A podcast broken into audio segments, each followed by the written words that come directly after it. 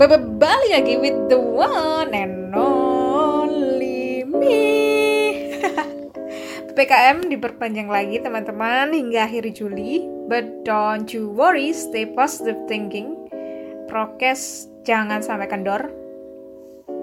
PPKM diperpanjang, ya ada yang pro juga ada yang kontra. Namun hal itu normal saja teman-teman, hidup akan selalu dipenuhi dengan suka dan tidak suka. Take it easy. Stres itu ada yang positif dan negatif ya. Teman-teman, saya mengingatkan lagi, jangan lupa episode ini adalah lanjutan episode sebelumnya.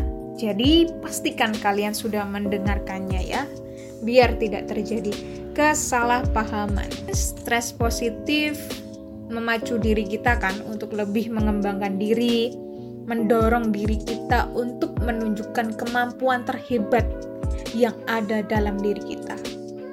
Memacu diri kita untuk melampaui batas dan terbang. Bercanda teman-teman. Selanjutnya, kita akan menggali sesuatu mengenai distress atau stres negatif. Kemarin kan ada dua jenis stres ya yang sudah saya utarakan dan ceritakan ke teman-teman yaitu eustress dan distress. Distress adalah stres negatif dan eustress adalah stres positif. Nah, hari ini kita akan bercerita dan menggali informasi mengenai distress.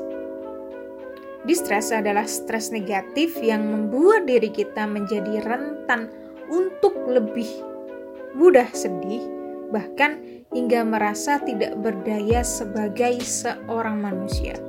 Kan kalau eustress memacu diri kita untuk berusaha mengembangkan kemampuan kita ke arah yang positif ya. Nah, berbeda dengan distress. Distress membuat diri kita tidak dapat melakukan fungsi sebagai seperti biasanya. Saya kasih contoh lagi ya, biar sama seperti sebelumnya, biar kita juga nggak mengambang dalam membayangkannya.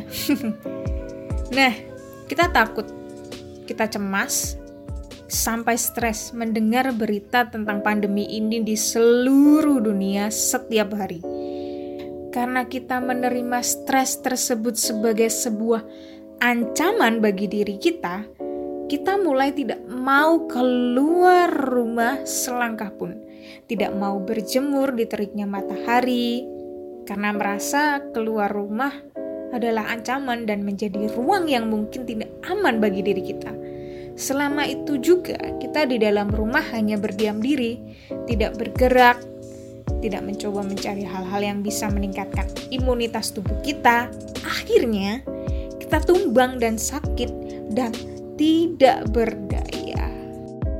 Teman-teman semua, sederhana tapi akan bermakna. Jika kita menganggap semua stresor atau penyebab stres itu sebagai tantangan bagi diri kita.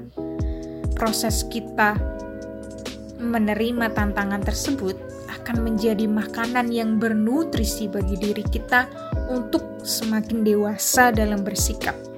Bagaimana sebuah tantangan mendewasakan diri kita, namun akan berbeda jika kita menerima dan menganggap sebuah stresor sebagai distress yang tidak kunjung henti.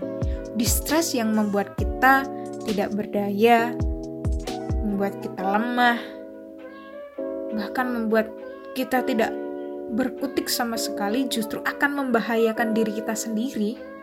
Saya yakin kalian semua cukup dewasa dalam menanggapi sebuah peristiwa.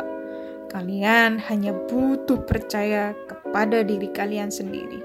Sampai jumpa di episode selanjutnya. Kita bahas yang menarik lagi. Sikat.